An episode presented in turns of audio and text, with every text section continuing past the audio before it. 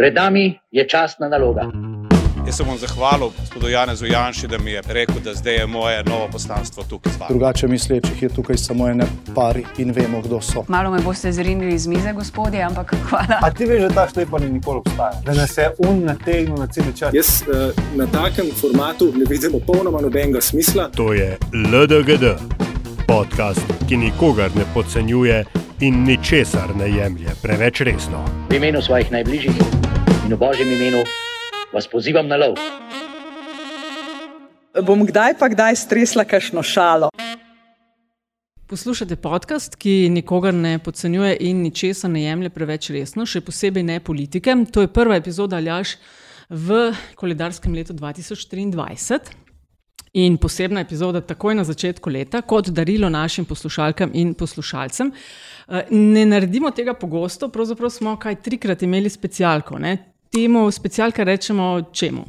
Specialnim epizodam LDGD, ne, za razliko od emergentnih epizod, ki so bile sploh v zdaj že bivšem letu, dosti bolj pogoste, kot bi si predstavljali na začetku leta ali mogoče včasih celo želeli. Ne. Ampak a, je pa treba tudi povedati, ne, da statistično gledano, ljudje, ki a, naredijo napako in pristanejo na specialko LDGD, ponavadi hitro zapustijo funkcijo. Ne.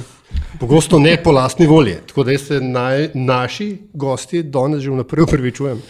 Um, gospa predsednica Republike Slovenije, Nataša Pirsmusar, dobrodošli. Dober dan. Pozdravljeni, uh, vnaprej hvala za vaš čas. Začela bom tako, kot je običajno začenjati intervjuje. Vprašala vas bom po občutkih in pričakovanjih, pri čemer bom pričakovanja pustila za na konc. Najprej po občutki, kako ste se navadili na uh, rdeče preproge, na varnostnike, na Falkona, se je to že usedlo? Se vam vidi, da ste bili včasih športna novinarka, ne? Kakšni so občutki po zmagi. Um, Tako vam bom rekla, z enim takim spoštovanjem in ponižnostjo sem zakorakala v to predsedniško palačo, že sama stavba s svojo veličastnostjo naredi nek vtis na te, verjetno naloži še kakšen kamenček več v ta nahrbtnik, ki je trenutno na mojih ramenih in bo naslednjih pet let. Um, Ne bojim se sicer novih izzivov, uh, čisto iskreno, me je kakšen dan tudi strah, kako bom vse to zmogla. Pričakovanja so velika, tudi sama sem si kar veliko um, zadala, da bi lahko postorila v tem mandatu. Um, ampak Iskreno verjamem, da se na tej funkciji da postoriti še marsikaj. Predvsem zaradi tega, ker za menoj stoji skoraj pol milijona voljivk in voljivcev, je edina funkcija poleg um, županskih, no, kjer si ti seveda neposredno izvoljen, to je dodatno, bom rekla, prijetno breme.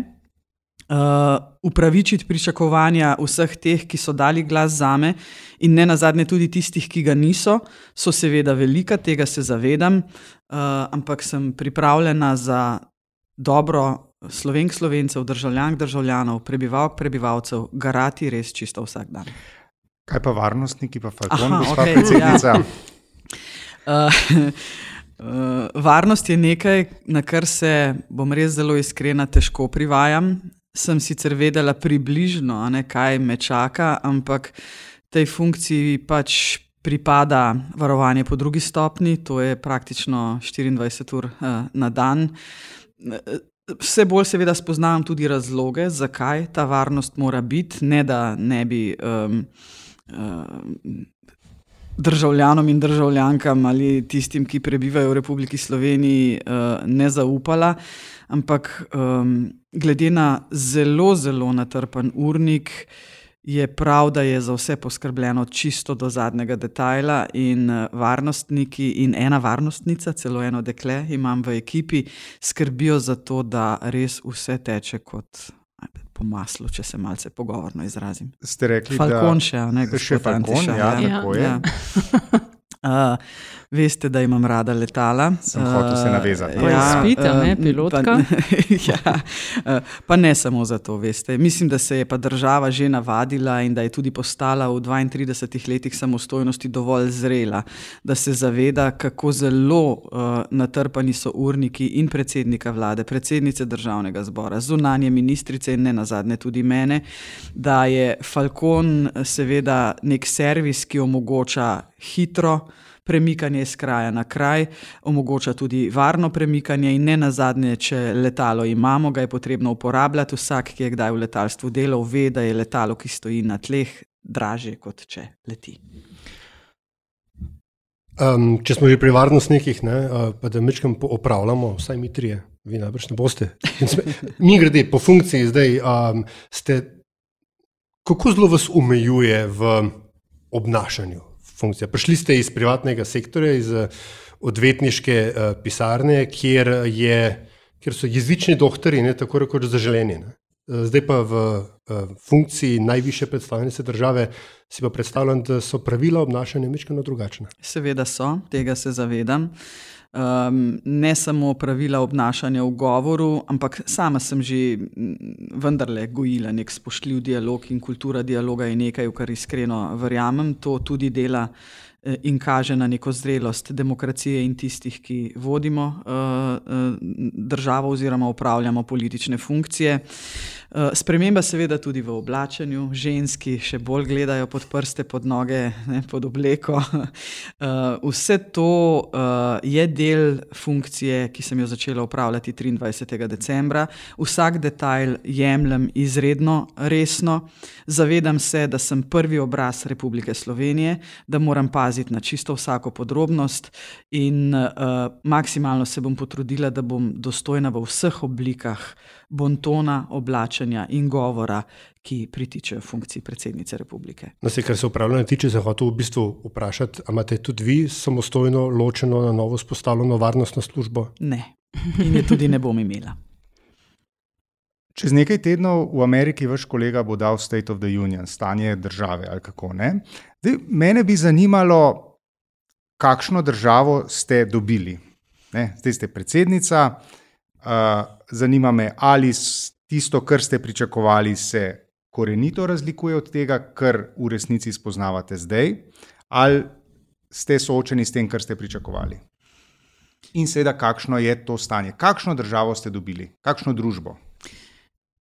Ne bi govorila toliko o tem, v kakšnem stanju sem državo dobila, ne, če se figurativno izražava, ampak o tem, kakšna ta država trenutno je in kaj bi si sama želela. Večkrat sem že povdarila, da m, verjamem v vladavino prava in v ustavne pravice in v vrednote, ki so temelj Evropske unije. Sama bom velika zagovornica evropskih vrednot. Um, zadala sem si seveda kar nekaj ciljev, kjer se mi zdi, da se da še veliko postoriti, da je naša država lahko mnogo boljša, kot je, da se lahko mnogo manj prepiramo in delamo na strateških projektih, ki so pomembni za čisto vsakega, ki živi v tej državi. Um, glede na svojo preteklo aktivnost, na znanje, ki ga posedujem, ne, pravnica v meni, bo vedno. Oh, imamo uh, konkurence, ki ja, ja, seveda. Ja bo vedno uh, rekla, sekala uh, uh, ven. Želim si, da z vzorom in zgledom Vsem povem, da je, kot sem že omenila, kultura dialoga nekaj, kar moramo gojiti tisti, ki smo na vrhu piramide. Namreč iz tega vrha dol se preko medijev nekulturen govor lahko in tudi se širi v vse pore družbenega življenja. Slovenija zmore več tudi na tem področju. Delovala bom na svobodi medijev, na dezinformacijah, proti sovražnemu govoru. Uh, večkrat so me že vprašali, če se bom umaknila z družbenih omrežij, ker je seveda zdaj potrebno komunicirati tudi na družbenih omrežjih drugače, kot sem prej kot Nataša Pirc-Musar. Ampak, če eni družbena omrežja uporabljajo za širjenje sovražnega govora in sovražnih besed, bom sama družbena omrežja uporabljala za boj proti takemu načinu dialoga in komuniciranja z uh, drugimi. Mhm, gospa predsednica, prvič imamo eh, v zgodovini Slovenije zdaj situacijo, ko in tega nikakor ne mislim nespoštljivo, ko tri najviše funkcije v državi zasedate, bom rekla, ruki. Uh, vidva z predsednikom vlade sta seveda vse čas bila na nek način zraven, pa vendarle ne v politiki. Vi ste kot na volitvah tudi kot nestrankarska nastopili. Kako si vi predstavljate sodelovanje? To bo konec koncev tudi zahtevno leto prvo za vas, prvo za vas v tej vlogi. Prvo za sobivanje z novo vlado. Kako si vi predstavljate to? Se boste tedensko dobivali, na kakšen način mislite, da bi to sodelovanje moralo potekati? Najprej o, o novincih v politiki. Ravno na funkciji predsednice republike se mi zdi, da je ta neupetost v etablirano strankarsko politiko prej dodana vrednost kot minus. Ne na zadnje, veste, je ta moj uspeh na volitvah pokazal, da sem zadnjih 25 let v svojem življenju zagotovo nekaj delala prav, da me je štiri, skoraj 54 odstotkov voljivk in voljivcev prepoznalo kot tisto, ki lahko na tej funkciji nekaj naredi. Brez sodelovanja med vsemi tremi najvišjimi predstavniki Republike Slovenije ne bo šlo. Ni skrivnost, da se z Urško Klakočar Zopančič izjemno dobro razumeva. Spoznali sva se v sicer malce manj prijetnih okoliščinah, ko sem jo kot odvetnica zastopala v disciplinskem postopku pred sodnim svetom zaradi zapisa na njenem Facebook profilu. Sva pa že nekajkrat sedeli skupaj in um, tem, ki se jih loteva ona, torej um, živali, prizadeti otroci, torej otroci s posebnimi potrebami. To, to, to, to je nekaj, v kar sama iskreno verjame in tukaj sem tudi kot predsednica republike pripravljena skupaj sodelovati z njo na teh res popolnoma nepolitičnih projektih. S predsednikom vlade sva tudi že dvakrat sedela, jaz upam, da se bo v prihodnem tednu ponovno dobila, da se pogovoriva o uh, prvih skupnih nalogah. Ne bi želela. Um, delati stvari mimo predsednika vlade, bom tudi povedala, zakaj. Funkcijo predsednice vidim predvsem v tem, da se lahko posvetim strateškim temam. Um, naredila bom nek predsedničin forum, po vzoru seveda tudi nekdanjih predsednikov, ki so v tej predsedniški palači imeli pogovore namenjene strateškim temam. Uh, sama se bom pa maksimalno potrudila, da ne bo ostalo zgolj pri pogovorih in enem zapisu v medijih, ampak da bom delala korake naprej, torej drugi, tretji, četrti korak, kje se strinjamo, kje se ne strinjamo, kaj je tisto, kar lahko izvršilna veja oblasti hitro naredi, da se bodo določene, bom rekla, pomankljivosti v naši družbi odpravile. Brez sodelovanja s predsednikom vlade je popolnoma nesmiselno, da tu razprave v predsedniški palači imam, če z njegove strani ne bo interes, da skupaj nekaj narediva za Slovenijo. In obljubil mi je, da bo na strateških temah sodeloval. Dveh sva se že dotaknila in sicer podnebnih sprememb in sovražnega govora. Tukaj bova zagotovo delala skupaj, prostor v predsedniški palači za razpravo je, uh, in um, če bova oba delala na tem, se bodo spremembe lahko zgodile. Če bo eden vlekel na svojo stran, se spremembe ne bodo zgodile. Mi je jasno. Omenili ste svojo namero, da vzpostavite predsednični forum. Da. Samo tako za um, pojasnilo, a to bo eh, redna srečevanja med vami, predsednikom vlade in predsednico državnega zbora, ali bo to, um, bodo to pogovori, ki bodo vključevali tudi civilno družbo, samo da vemo in ja, da poslušalci vedo. Nisem bila dovolj jasna, hvala za možnost, da bolj natančno pojasnim. Predsedničin forum bodo razprave v predsedniški palači na strateške teme. V letošnjem letu bi si želela narediti vsaj dva enega o samooskrbi, ki je povezana s podnebnimi spremembami, in enega o zdravstveni reformi. Uh, zadnja leta veliko govorimo o zdravstveni reformi, vemo, v kakšnem krču smo se znašli. Predvsem tisti, ki so ostali brez družinskega zdravnika, še kako vedo, da je nekaj nujno na tem področju potrebno postoriti. In uh, neke širše razprave še nisem zasledila, in sama sem pripravljena ponuditi prostor, čas, povabiti določene strokovnjake, da se ta tema v javnosti in javno, seveda, uh, odpre in da se o njej razpravlja. E, lahko vam povem tudi eno stvar, sem bila vesela. Danes sem na mizo dobila zaprosilo ministra za zdravje, gospoda Bešič Loredana. Ljubljana, da bi se rad srečal z mano in to je zagotovo ena od tem, ki mu jo bom omenila in prosila tudi za njegovo pomoč in podporo. Um, s tem ste v bistvu že nekako nakazali ne, um, to, da bom rekel nesrečno, ampak nesrečno pozicioniranje predsedniške funkcije, ki hkrati je vplivna in v bistvu ni vplivna, ne, ker, ker smo Hibrid, pač ustavo napisali tako, kot smo jo napisali. Um, in me v bistvu zdaj zanima, ker se to, kar ste omenili, se pravi, um, spogovorne strateške teme glede perečih zdravstvena forma, samo skrba in tako dalje.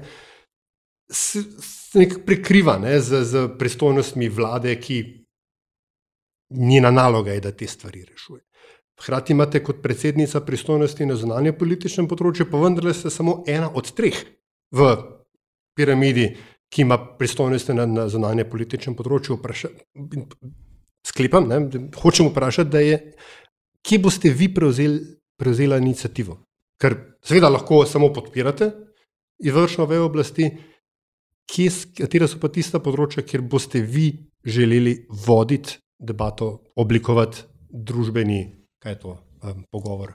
Družbeni konsens je tisto, kar na koncu iščemo ne, pri teh strateških temah. Um, veste, ta moč besede, ki jo predsednica republike ima, je nekaj, kar seveda uh, ne samo da bom, ampak zdi se mi, da tudi moram uporabiti. Malce sem vam že namignila, da imam za takšne zadeve. Um, več časa, ker nisem upeta v dnevno izvršilno politiko, tako je seveda tudi prav.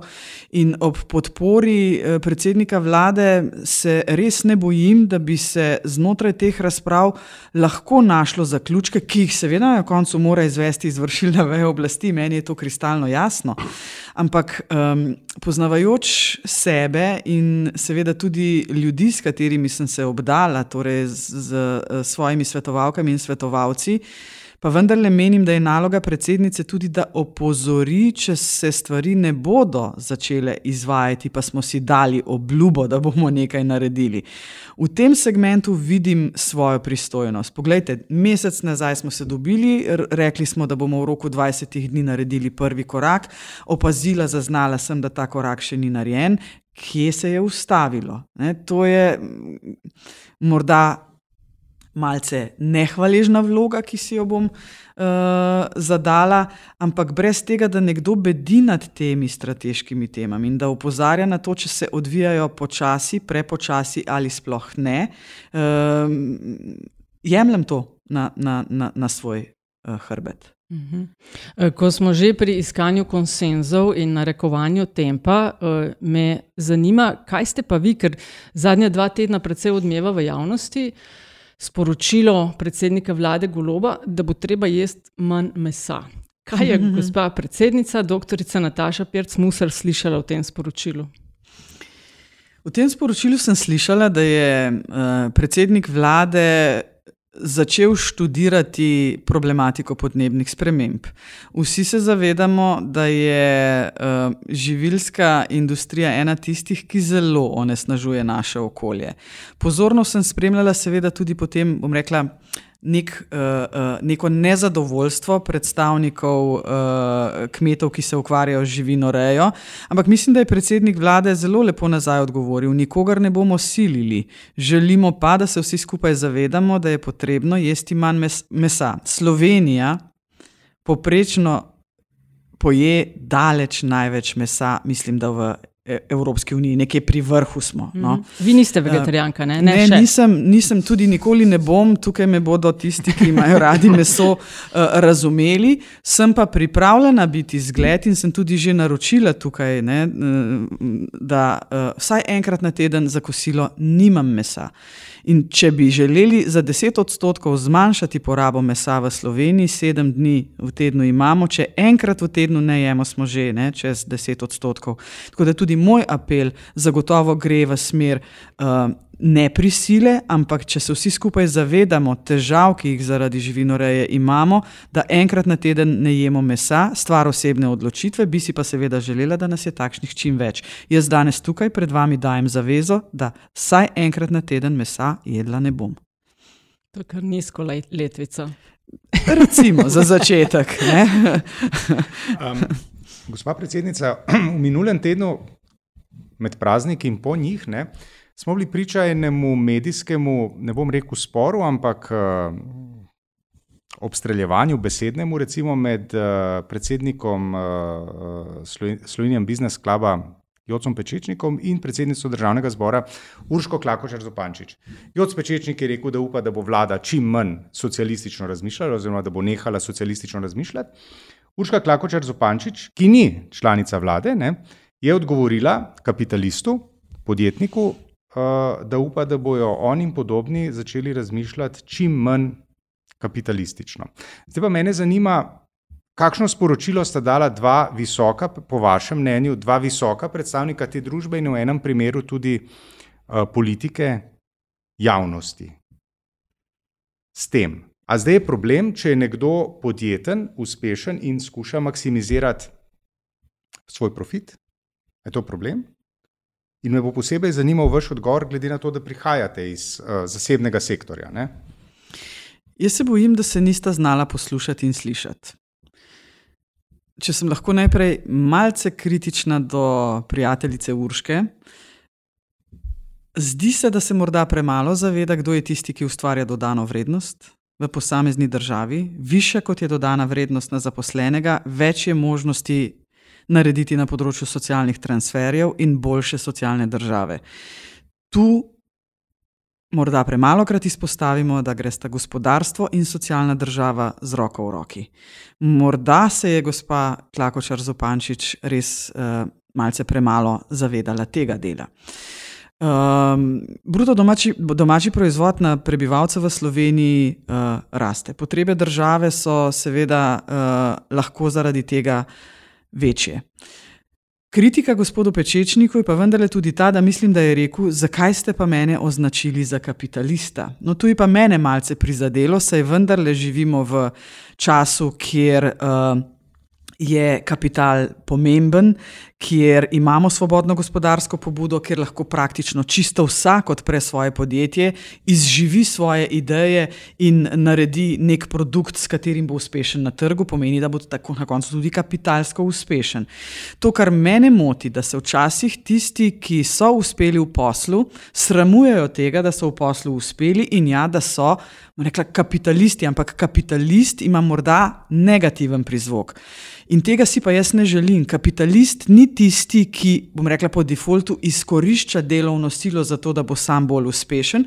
Kapitalist je tisti, ki ustvarja delovna mesta in če je dober kapitalist, bo za delavce skrbel zgledno, dobro, jim bo dal dobre in solidne plače in seveda, ja, na koncu bo delal tudi za svoj dobiček. Ne na zadnje, zato v podjetje vložil svoj denar, trud in ideje. Vsakomur ne uspe, tistemu, ki pa uspe, ga je pa treba pohvaliti in mu dati priznanje.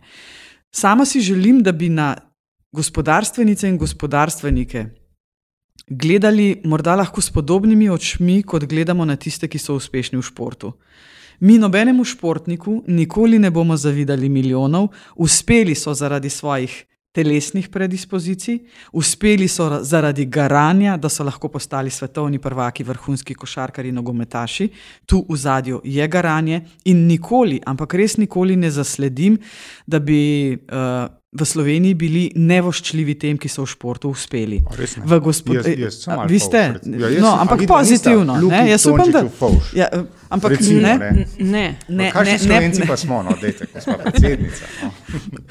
Antiša. Jaz pa, re, jaz, jaz pa res upam, no, da bomo to presegli. Ne? In tukaj se lahko uh, spomnim uh, izjave, ki jo je izrekel gospod Boskarol, da v Sloveniji lahko oprostimo čisto vse samo uspeha. Ne? In tu je mislil, seveda, na uspehe v gospodarstvu.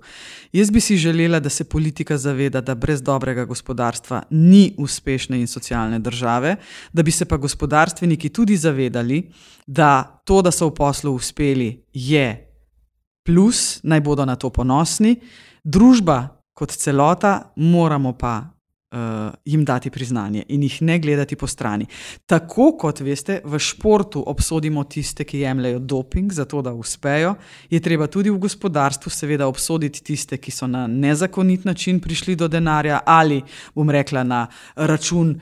Uh, Izjemno nesramnega in, in neprimernega ravnanja z delavci, ampak velika večina slovenskih gospodarstvenikov in gospodarstvenic dela dobro, dela zakonito in dela zgledno z svojimi zaposlenimi. In to je nekaj, kar je potrebno povdariti. Jaz izkoristim če priložnost, ker je, ker je še ja, nismo imeli. Ne? In če ste že odprli vprašanje besednih oznak, ne? Ja. jaz vas moram vprašati, ker smo se tudi mi že večkrat vprašali. Ne? Oziroma, o tem pogovarjali.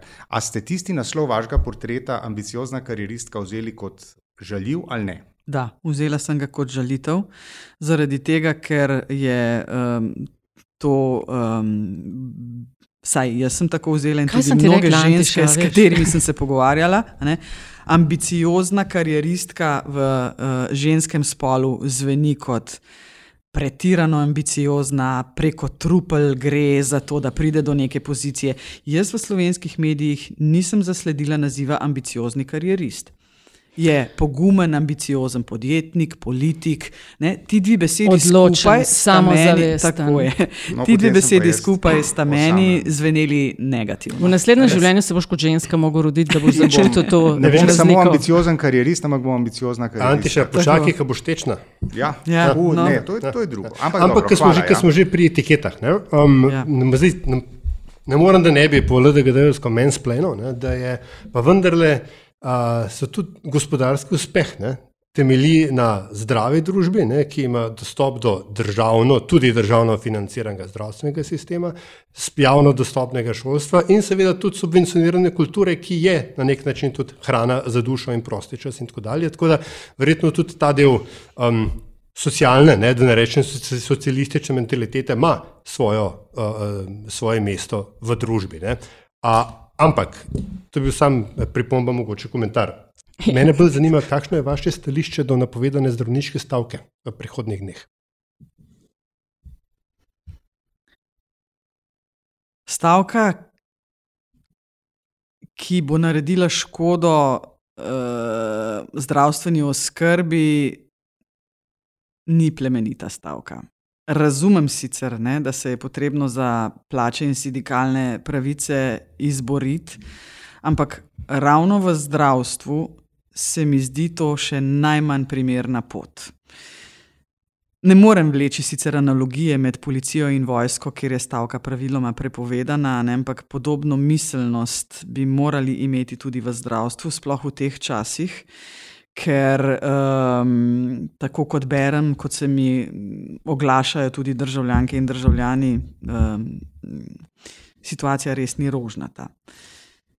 Želela bi si, da bi vsi, ki želijo um, preko svojih delovskih pravic doseči boljše razmere za zaposlene, ki jih uh, zastopajo kot sindikalisti, da bi si vzeli malce več časa za pogovor z vlado, da bi, da bi vlada lahko razložila, kako in na kakšen način se bo lotila teh res strateških in strukturnih reform tudi znotraj javnega sektora in plačnega sistema. Uh, Stavka je, po mojem mnenju, vedno ultima ratio. Torej, zadnja stvar, ki jo narediš, ko se pogovarjati ne moreš več. Zdaj, kako in zakaj je do pogovora med Ministrstvom za zdravje in sindikatom Fides, uh, zakaj je ta pogovor zastal, ne vem, nisem bila poleg.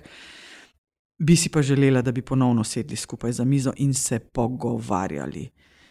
Stavkati greš res takrat, ko se zaprejo vrata. Ampak, če sem prav slišala, se vrata na drugi strani na Ministrstvu za zdravje zaprla niso.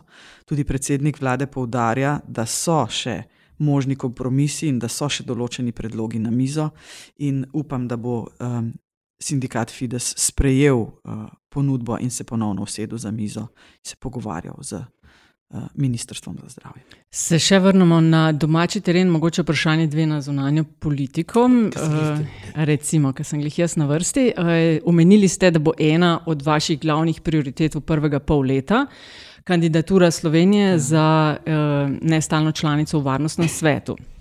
Zakaj se vam zdi tako zelo pomembno, da Slovenija postane članica tega sveta, ki je zaradi sporov med eh, velikimi petimi eh, paraliziran in se večina ali pa vse odločitve selijo na glasovanje v generalno skupščino?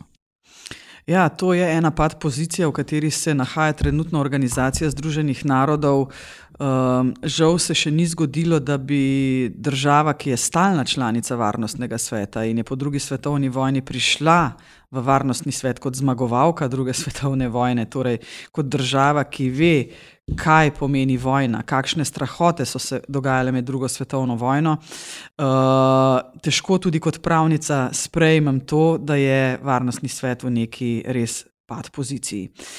Ne na zadnje se pa vendarle mehanizmi obravnav na generalni skupščini OZN uh, kažejo kot nek, nek, nek poligon, neko polje, kjer se lahko razprava nadaljuje in prav je, da se. Prvi izjemno pomemben pokazatelj generalne skupščine je bil, ko je z veliko, veliko večino sprejela sicer nezavezujočo resolucijo, to je vendarle treba pojasniti. Ne? Varnostni svet ima veliko večjo moč, ampak vendarle so obsodili referendume v vzhodni Ukrajini. To je nek, nek pokazatelj, uh, kako večina držav sveta razmišlja. Slovenija je že enkrat bila nestalna članica Varnostnega sveta in je svojo nalogo odlično opravila. Jaz sem prepričana, da je lahko še enkrat. Kot majhna država imamo včasih, majhna, geografsko majhna, včasih večjo možnost poslušati države, ki so med seboj v nekih sporih in imajo res rekla, neke ostanke daljne, daljne preteklosti, ki se desetletja, morda tudi. Uh, kakšna stoletja vlečejo v političnem diskurzu in napetostmi med posameznimi državami. Slovenija ima izvrstno dip diplomacijo, to nam priznavajo mnoge države. Z vsemi našimi izvrstnimi diplomati in usmerjenostjo v multilateralizem. Tudi sama v ta multilateralizem verjamem. Uh, verjamem, da mora obstajati močna mednarodna grupacija, kar Organizacija Združenih narodov je, za čisto vsemi državami tega sveta. To je trenutno edini prostor, kjer se lahko rešujejo svetovni problemi. In ja, v teh pol leta se bom res maksimalno potrudila, da m, mm, se pogovorim z predsedniki držav, uh, za katere še nismo čisto prepričani, ali bodo glasovali za Slovenijo ali ne. Morda bomo odigrali tudi malce na žensko noto, ne? nekaj državnic, vendarle po svetu uh, obstaja. Jaz sem 29 od 193 držav članic v Organizaciji Združenih narodov uh, in mislim, da ženske vendarle malce drugače razmišljamo v politiki, da lahko kot ženska predstavim prednosti, ki jih Slovenija lahko ponudi na zunanje politi političnem parketu. In, uh, zasluži si biti članica, ne stalna članica varnostnega sveta. Ampak sem to le še, ker, je, ker so. Že žoga na penalu, ali kako rečemo, ne? Ne, ženske v politiki. Ja. Prej ste z Antišo že nekaj o tem. Za ženske v politiki so res drugačni standardi. Uh, tisto, kar pri moških šteje, kot smo že prej rekli, odločno, jasno, samozavestno je pri ženskah, se komovči, se ven v spredje meče in podobno. Uh, kako gre, vas seveda bojo frizura, čevlji, oblačila. Je tega bilo, ne? Ja. Seveda. Je že bilo? Je že, seveda. Je že bilo.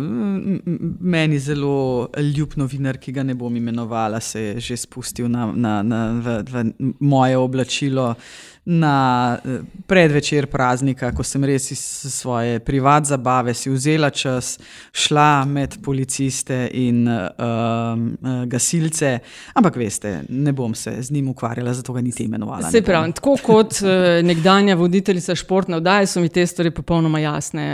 Veliko manj je bilo vsebini kot naslednji dan, frizura in kaj sem bila oblečena. Da ne govorim o pokroviteljstvu. Na ja. lestvici ja. od 1 do 10, koliko zelo gre vam to na živce? Deset, zelo. Ker še posebno, ne, se, kar mene osebno žalosti, kot nekoga, ki dela v teh projektih že zadnjih deset let, da se to, kdo je pa njena stilistka, sliši celo od ljudi, ki naj bi bili uh, izobraženi, razgledani in se deklarirajo za feministe in feministke. Skratka, meni bi še, še, še več od deset šlo, že od spotleh pada. Ja, uh, tudi meni bo. Um, ne bom se ozirala na to, ker se mi zdi odreagirati na take stvari popolnoma deplasirano. Bom se maksimalno potrudila, da bom dostojna. To, da mi bo pa nekdo komentiral frizuro ali imam dovolj visoke pete ali ne, to pa lepo prosim, moja stvar, v kakšnih oblačilih se jaz počutim udobno, zagotavljam pa vam, da bom v funkciji primerno tudi oblečena. Um, gospa predsednica, vprašanje kulture. Kulturniki radi, uh, ne bom rekel, potarnajo, ampak izpostavijo, uh, da visoki politiki ne pridejo niti na premjere v teater, ne hodijo na kulturne dogodke. Kako vi to vidite? Kako vi boste, če boste, pokazali lastno podporo slovenski kulturi? Tako, da bom hodila na kulturne dogodke, po svojem okusu, seveda. Ne, eh, na vse ne bom mogla iti, ampak kultura je nekaj, kar je bistvo naroda, kar pokaže na zrelost naroda, sama imam neizmerno rada kulturo. Um, morda na tem mestu lahko omenim še eno stvar. Z kulturnih krogov že prihajajo pozitivni odzivi in odmevi na to, da se bo moj mož ukvarjal s kulturno dediščino in kulturo. Rekli so, pa vi ste prva predsednica, ki bo temu posvetila določen del pozornosti. Moj Aleš ima rad zgodovino, kulturo, kulturne spomenike, kulturno dediščino. Z največjim veseljem bo kot prvi gospod del svojega časa temu posvetil. Sama bom pa z največjim veseljem šla na kulturne dogodke. Bila sem že na enem, ko pred 23. decembrom. Seveda, prej kot Nataša Pirc na mnogih, ampak samo kot primer, da vam povem, Povabili so me na otvoritev razstave v Cankarjev dom, uh, skupne razstave Cankarjevega doma in prirodoslovnega muzeja. Z največjim veseljem sem si šla ogledati to razstavo. Zdi se mi tudi prav, da kot predsednica republike takšne stvari potem širim po družbenih omrežjih. Povabila sem vse mlade, da si to razstavo gredo ogledati, da naj šole peljejo otroke pogledati to razstavo. Izjemno, izjemno lepo prikazano rastje in življenje uh, v Sloveniji. Uh, zelo interaktivno. Uh, ko sem šla iz razstave, ven sem na koncu rekla direktorju Prirodoslovnega muzeja, ta razstava bi si zaslužila večjo kvadraturo. Je rekel, ja, že to smo skupaj s Cankarjevim domom uh, uh, uh, se zavedali, ampak v Prirodoslovnem muzeju premalo prostora za takšne stvari. Skratka, kot predsednica republike moram in si želim, ne samo moram, promovirati slovensko kulturo. In na tem področju bom tudi zagotovo delala. Ne na zadnje se že danes pogovarjamo o tem, da se bom kot predsednica države udeležila Frankfurtskega uh, knjižnega sejma, največjega knjižnega sejma na svetu. Uh, nemški predsednik uh, Steinmeier Majer se izjemno veseli tega, in, in uh, to so stvari, ki so najprej zapisane meni v moji duši, in so stvari, uh, na podlagi katerih lahko Slovenija postane prepoznavna tudi v svetu. Omenili ste soproga, njegovo vlogo, pa me zanima, um, kako je nastop vaše funkcije posegel v vaše zasebno življenje. Vi ste, vemo, odprta, komunikativna. Um, kako je to zdaj poseglo v vaše zasebno življenje? Imate sina, imate moža, imate družbo? Ja. Seveda poseže takšna funkcija tudi v zasebno življenje, ampak tisto, kar sem si pa kot Nataša na začetku, ko sem se odločila, da sploh kandidiram, predvsem pa po dnevu, ko sem zmagala na volitvah, zadala, je, da želim ostati Nataša. Želim ohraniti svoje družinske prijatelje, prijateljice, želim, se še, želim si še vedno družiti se z ljudmi, ki so mi blizu. To me bo na koncu ohranjalo človečno, človeško. In če bom ostala Nataša, bom lahko tudi dobra predsednica. V to iskreno verjamem. Ne bom se zaprla v predsedniško palačo, ne bom se pretirano obremenjevala s tem, da pač moram ob sebi imeti varnostnike, ampak veste, tudi moj vodja varnosti in vsi varnostni, varnostniki in varnostnica, ki so ob meni, mi pravijo: ne ozirajte se na nas, mi bomo naredili vse tako, da bo vam udobno, ob vas bomo vedno. Uh, in um, prvih teh deset dni na funkciji živim normalno življenje. Potem, ko pridem iz službe domov, povem varnostnikom, da bi šla pa huni prijatelji na kavo, želim iti na kulturno prireditev, uh, poleti bom želela iti na motor, ne, po kakšen poseben režim, ampak prepričana sem, da me moje zasebno življenje lahko ohrani takšno, kot sem. In na tem bom ustrajala. Ko smo že pri prijateljih, koliko novih prijateljev ste pa dobili, odkar ste uh, zmagali na volitvah? Uh, oziroma, če obrnem, ne, kdo vse, pa ni treba o imeni, ampak recimo v frekvenci se je najavil na sestanek zato, ker ima to ali ono idejo, s katero bi. Um, Da rečem po domač, želel lobirati.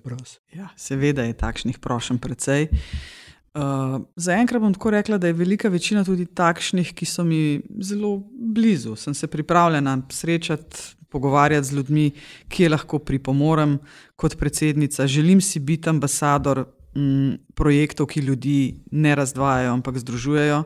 Veliko bom delala na medgeneracijski solidarnosti in na podnebnih spremembah, to sem obljubila in tega se bom držala.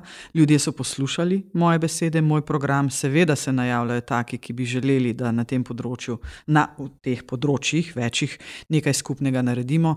Verjemite mi pa, da pa znam prepoznati tiste, ki želijo nekaj, kar jim kot predsednica ne samo ne bom dala, ampak tudi ne smem dati. Se- se samo zna- zato, da bodo imeli možnost dostopa do mene, tega si dopustila uh, ne bom. Lahko vam pa povem, Aljaš, še eno stvar, eno podobno izkušnjo. Sem imela, ko sem bila imenovana za generalno direktorico Radio Televizije Slovenija.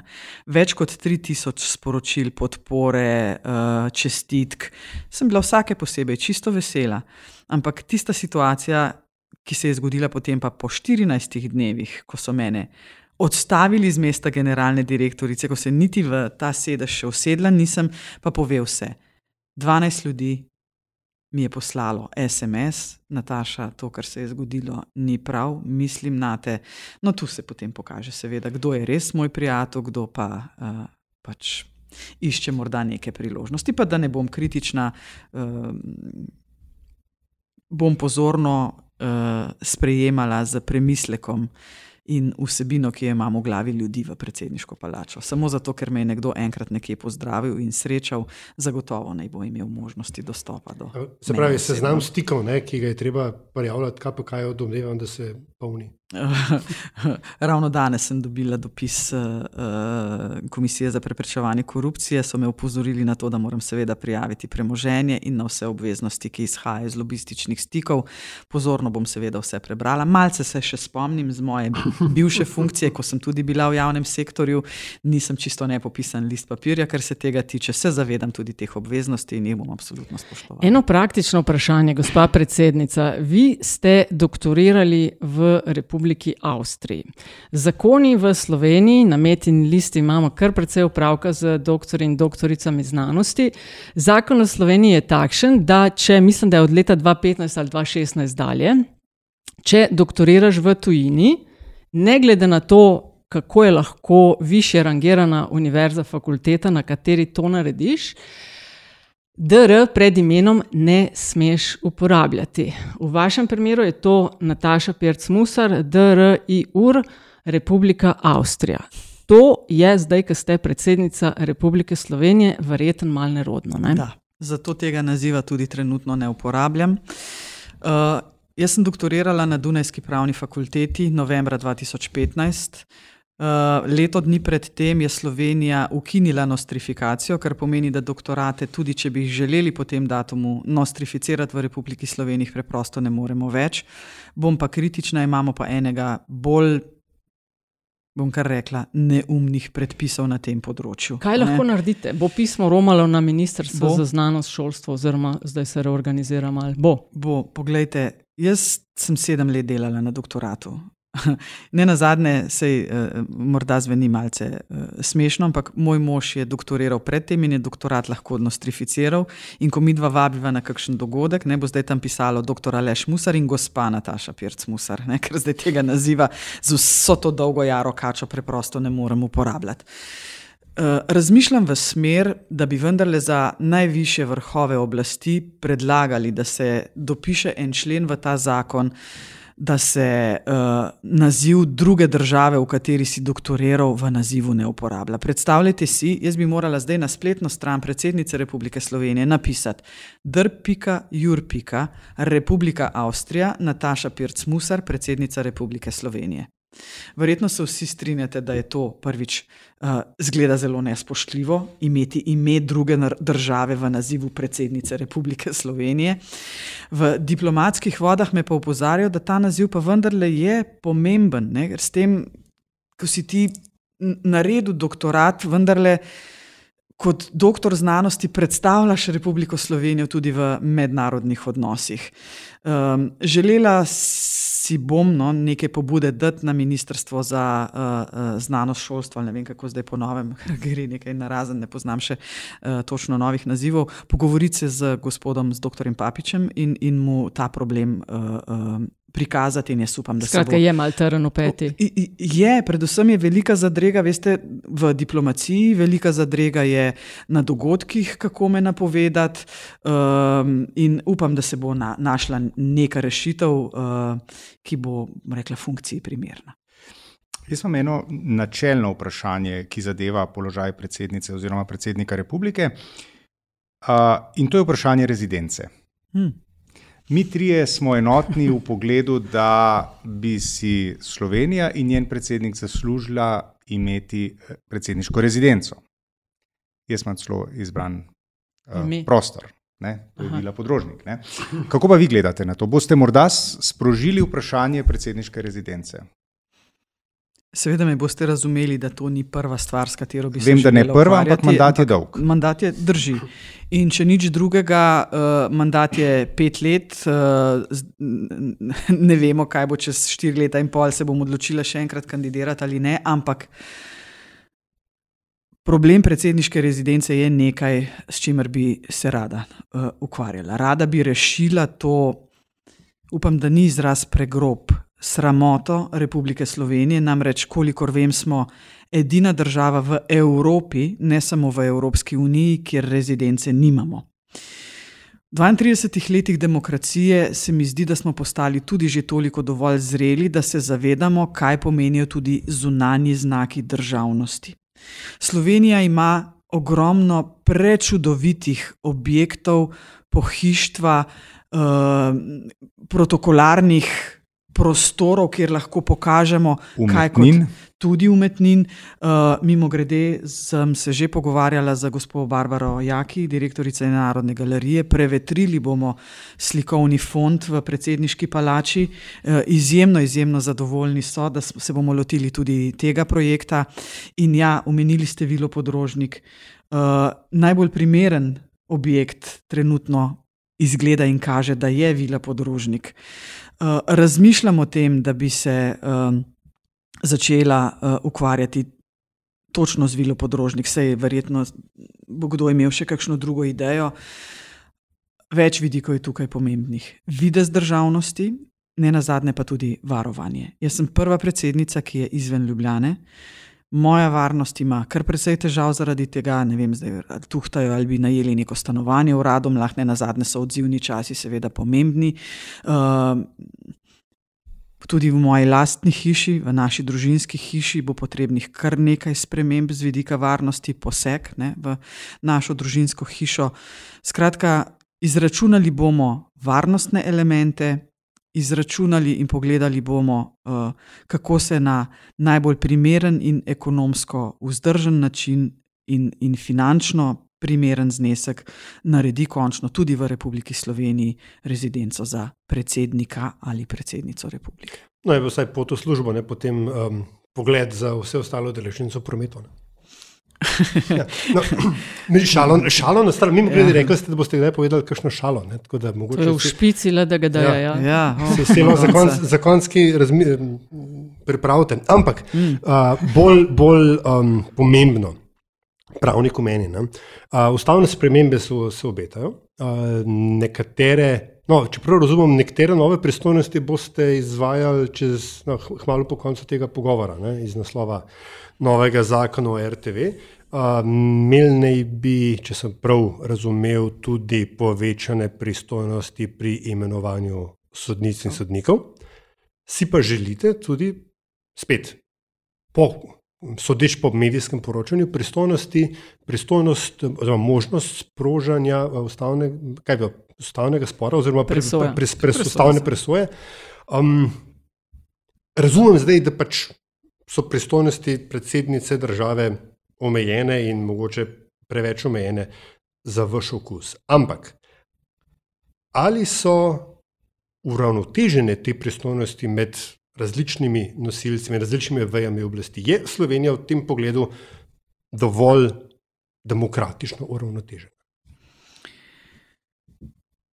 To vaše vprašanje je pravzaprav zelo kompleksno, ampak mi dovolite, da najprej odgovorim na eno najbolj bizarnih opravil, ki me čaka po tem intervjuju, ampak res bizarno opravilo.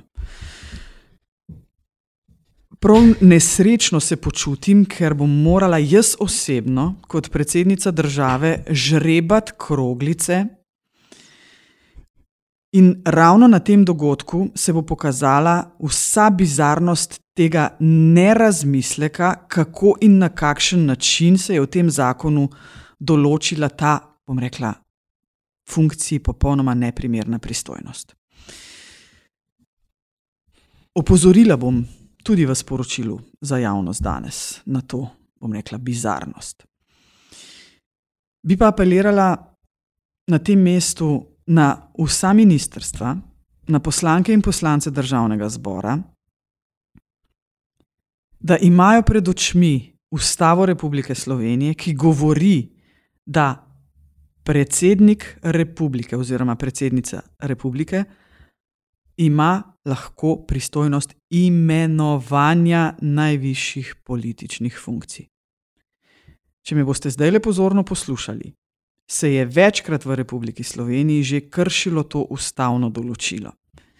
In sicer v smeri, da predsednik ne imenuje, ampak predlaga nekemu drugemu telesu v imenovanje. Pa če vzamemo ustavne sodnike, predsednika računskega sodišča, mislim, da je guverner Banke Slovenije, tudi tu je to ustavno določilo kršeno.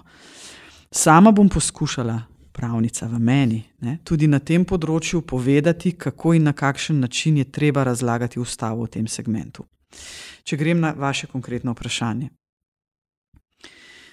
Zdi se mi izjemno pomembno, da ima predsednik republike oziroma predsednica republike pristojnost imenovanja najvišjih funkcionarjev ravno na tistih področjih, kjer se lahko vedno pričakuje pretirana politizacija imenovanja posameznikov na ta položaj. In to, da se danes uh, sodnike rednih sodišč imenuje v državnem zboru, pomeni preširoko polje politizacije. Mislim, da je politika naklonjena temu, da se znotraj ustavnih sprememb doda predsedniku oziroma predsednici republike točno po ustavi določeno pristojnost, neposredno imenovanje najvišjih funkcionarjev, kar sodnice in sodniki so, saj so funkcionarji tretje veje, sodne veje oblasti. Kako in na kakšen način je ta checks and balances ne, med predsednikom, predsednico države, vlado, državnim zborom. Na to uh, ravnovesje je seveda potrebno vedno paziti, ampak ne pa paziti na popolno zbanaliziranje predsedniške funkcije. Uh, veste, zakon o javni radio televiziji ima še eno določilo, ki je popolnoma neustavno in sicer, da bom jaz kot predsednica morala imenovati v programski svet predstavnike verskih skupnosti. To niso najviše funkcije v državi, o kateri govori slovenska ustava. Temu bom posvetila pozornost, upam, da bo tudi politika razumela, zakaj je ustava takšna, kot je in kako jo je potrebno tolmačiti. In če lahko samo še nekaj pomešam to čorbo. Um, ka, ka, kakšno je pa je vaše mnenje o potencijalni ukinitvi državnega sveta? Tu bi pa bila morda malce zadržana še. E, govorimo seveda tudi o pravici do ustavnega veta, ki bi ga predsednik oziroma predsednica lahko dobil. Tu bi se seveda potem rešila dilema danes nemožnosti vlaganja zahta, ustavnih zahtev, če bi predsednik oziroma predsednica presodila, da je zakon morda neustaven. Če dobi predsednik oziroma predsednica ustavni veto, seveda potem državnega sveta ne potrebujemo, ne? to je jasno. Ampak mislim, da bi bila tu pa potrebna neka širša razprava, da se vendarle pogovorimo ali ustavni veto predsedniški funkciji ali zadržati državni svet. Um, in ja, sem pripravljena imeti to razpravo tudi v predsedniški palači, če je potrebno. Ker se bližamo počasi koncu intervjuja, znameniti kot 60 minut in 8 sekund, ne, nekaj takšnega.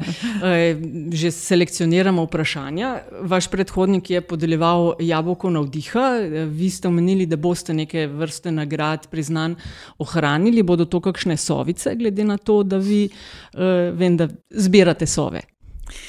Ne, ne, ne bo. Sovica bo postala del protokolarnih daril uh, za dva novorojenčka, torej prvo deklico in prvega dečka. Uh, v novem letu sta že dobila eno sovico, lepo plišasto od mene. Uh, tudi uh, predsednici Evropske komisije, komisije Ursuli von der Leyen sem poklonila Kogojevo sovico. Skratka, sovica prihaja Aha, v predsedniško palačo, okay. bo kot protokolarno darilo. Uh, kar se tiče pa nekega priznanja. Uh,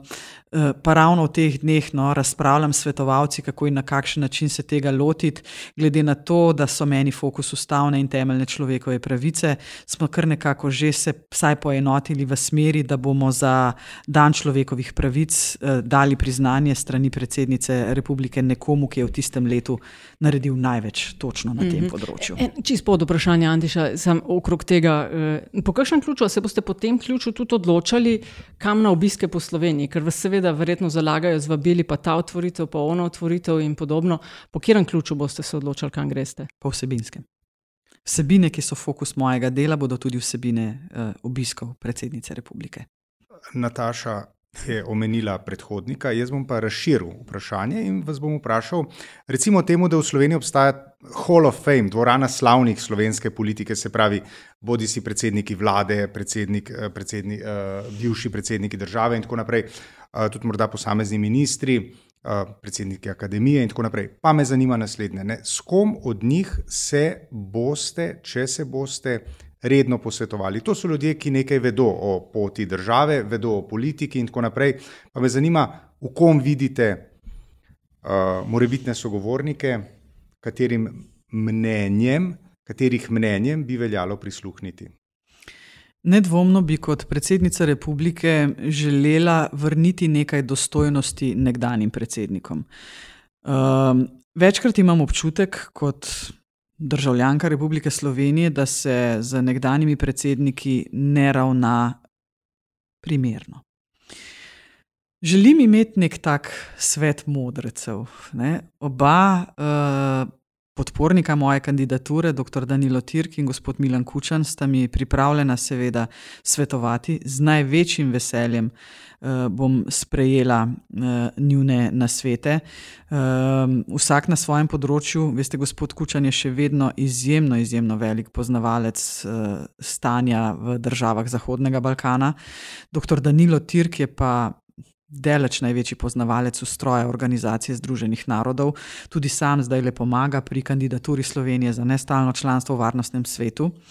Uh, v dveh pogovorih, ki sem ju imela z nekdanjim predsednikom Borutom Pahorjem, sem omenila tudi njemu, če je pripravljen pomagati in priti v ta svet modrecev, in je rekel, da z veseljem.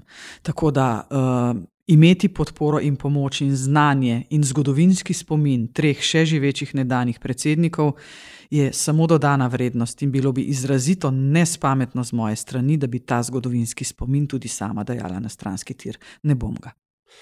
E, Ker Slovenija ni ravno v primežu avtoritarnega kulta osebnosti, se na evropski in regionalni ravni večinoma povezuje z sicer zanimivo državami Beneluxa. Domnevam, da gre za neko liberalno navezo, ne za zadnjih deset let je temu tako.